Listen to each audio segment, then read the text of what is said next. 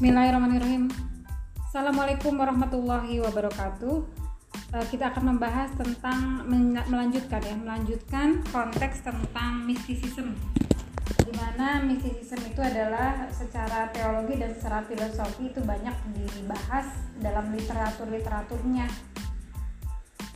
Biasanya di uh, studi ilmiah sosial itu terbatas pada aspek-aspek literatur yang berhubungan relevan dengan riset-risetnya sehingga tadi PR-nya itu bagaimana meneliti aspek mistisisme ya mistisisme itu dengan lebih empiris.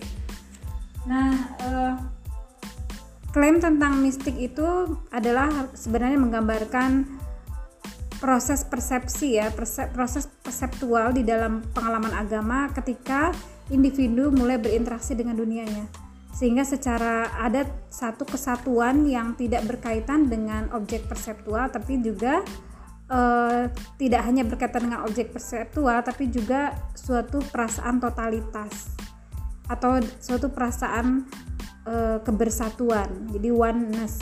Di mana di dalam uh, pengalaman mistik itu kita biasanya merasa diri kita adalah satu bagian yang tidak terpisahkan dengan dunia Kemudian juga bentuk dari mistisisme itu menurut Stacy tahun 1960 itu dibedakan antara ekstrovert dan introvert mistisisme di mana ada kontras, ada perbedaan antara ekstrovert dengan introvert ini.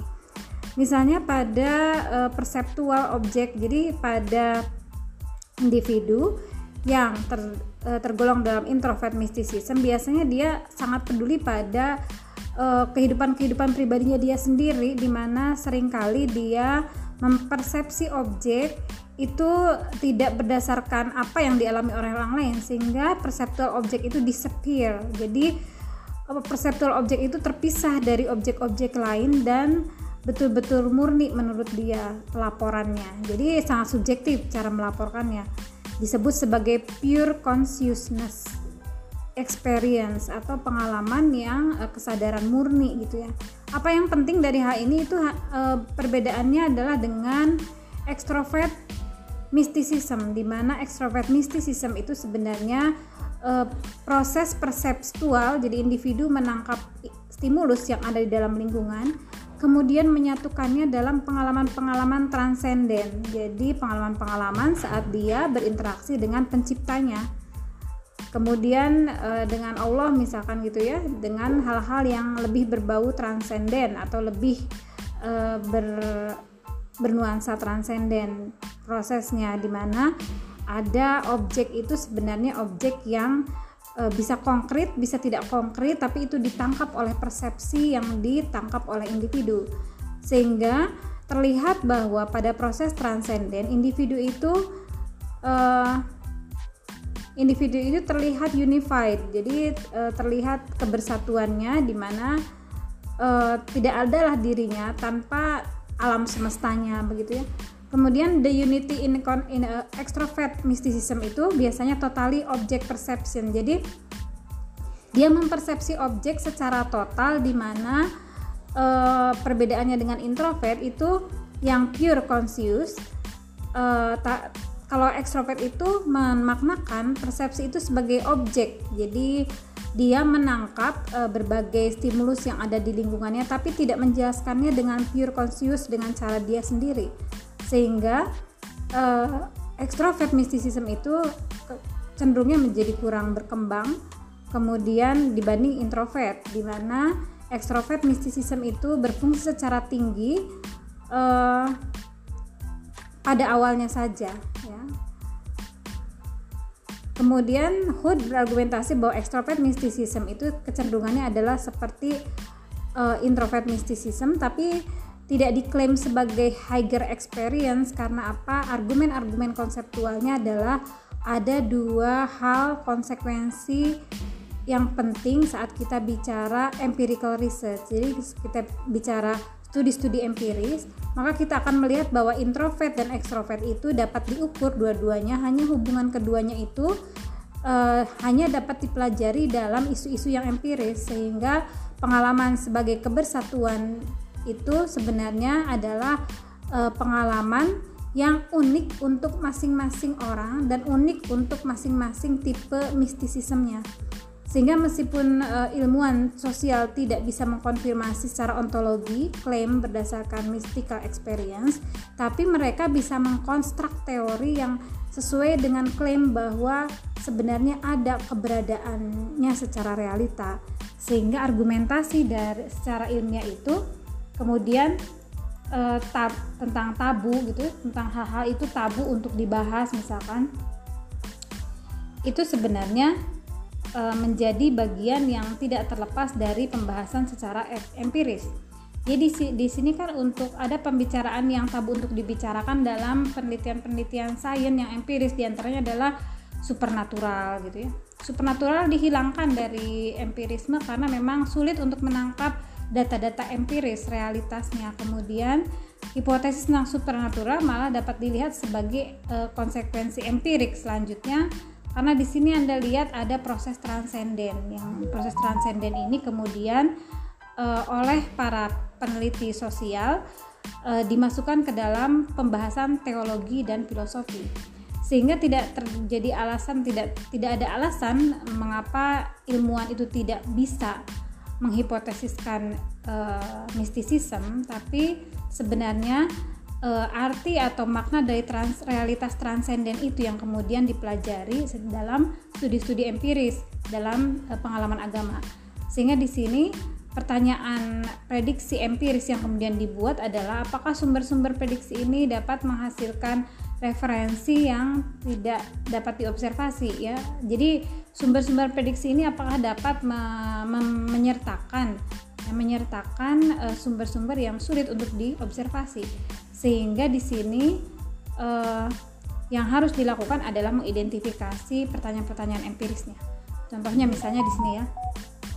Penjelasan peristiwa itu menjadi simple apabila eh, referensi-referensi uh, ataupun yang ada itu kemudian menjadi faktor dari sensori observasi.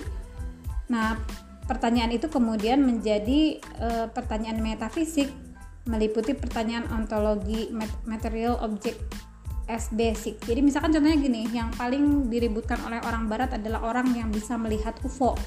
Nah, ketika beberapa orang itu bisa melihat UFO, maka kenyataan real yang sebenarnya adalah bisa dikategorikan sebagai mistik itu menjadi fakta real karena tidak hanya satu orang yang melihatnya, tapi banyak orang yang melihatnya.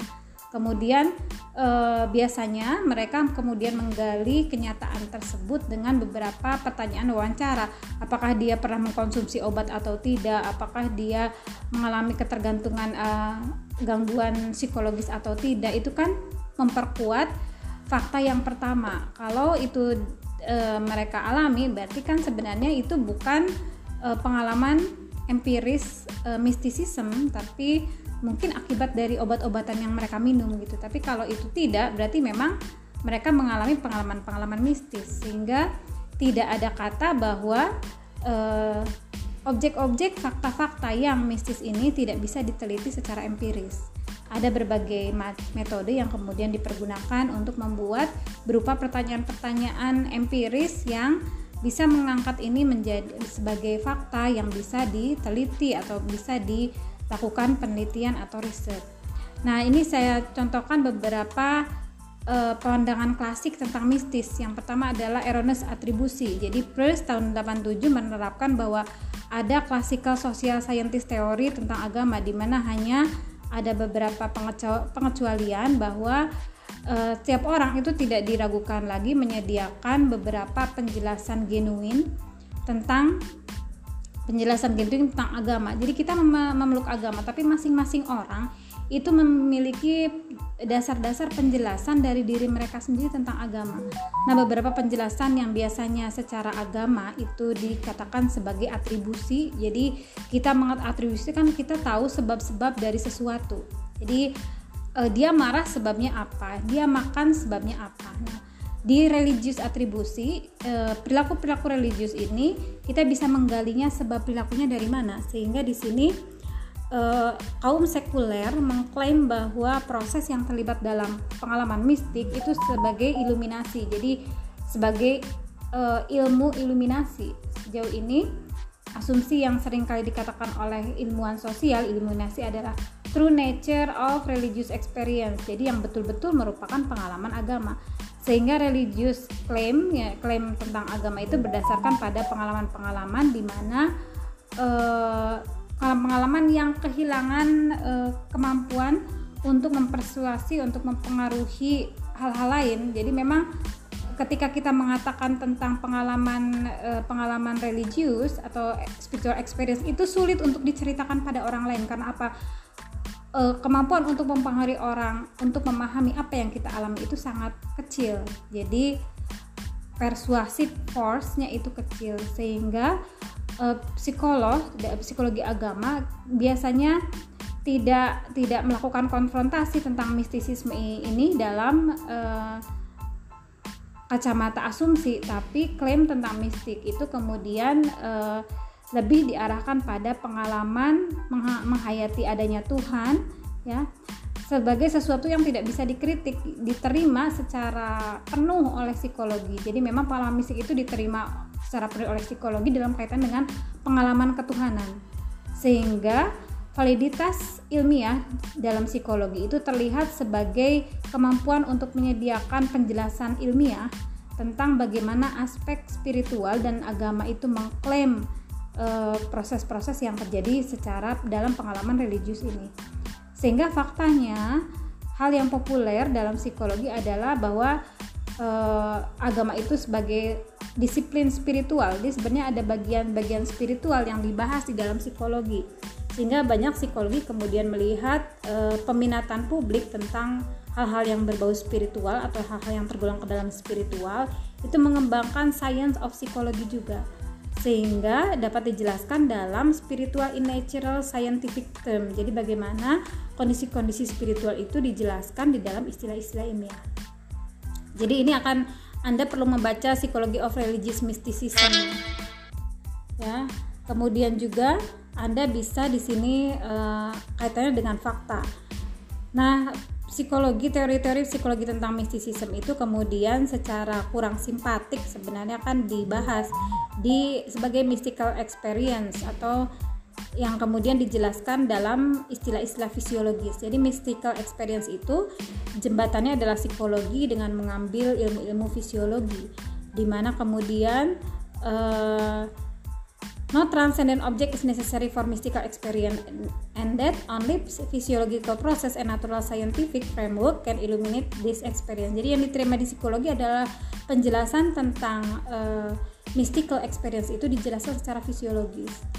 Kemudian uh, mistik itu sebenarnya uh, mistis itu sebenarnya tidak bisa menolak ya. Kalau kita membahas mistisisme maka tidak boleh atau tidak bisa menolak uh, pengalaman tentang penghayatan tentang Tuhan di dalamnya. Jadi nonsen kalau jadi psikologi lebih banyak menerima mistisisme eh, mystical experience ini sebagai penghayatan terhadap Tuhannya. Kalau tidak, ini tidak bisa dibuktikan secara empiris begitu. Sehingga di sini eh, pendekatan-pendekatan klasik tentang mistis ini kemudian eh, masuk masuk dalam tradisi-tradisi yang ada di Prancis kemudian juga dalam psiki, uh, psikiatri meliputi banyak agama yang diinterpretasikan sebagai pengalaman.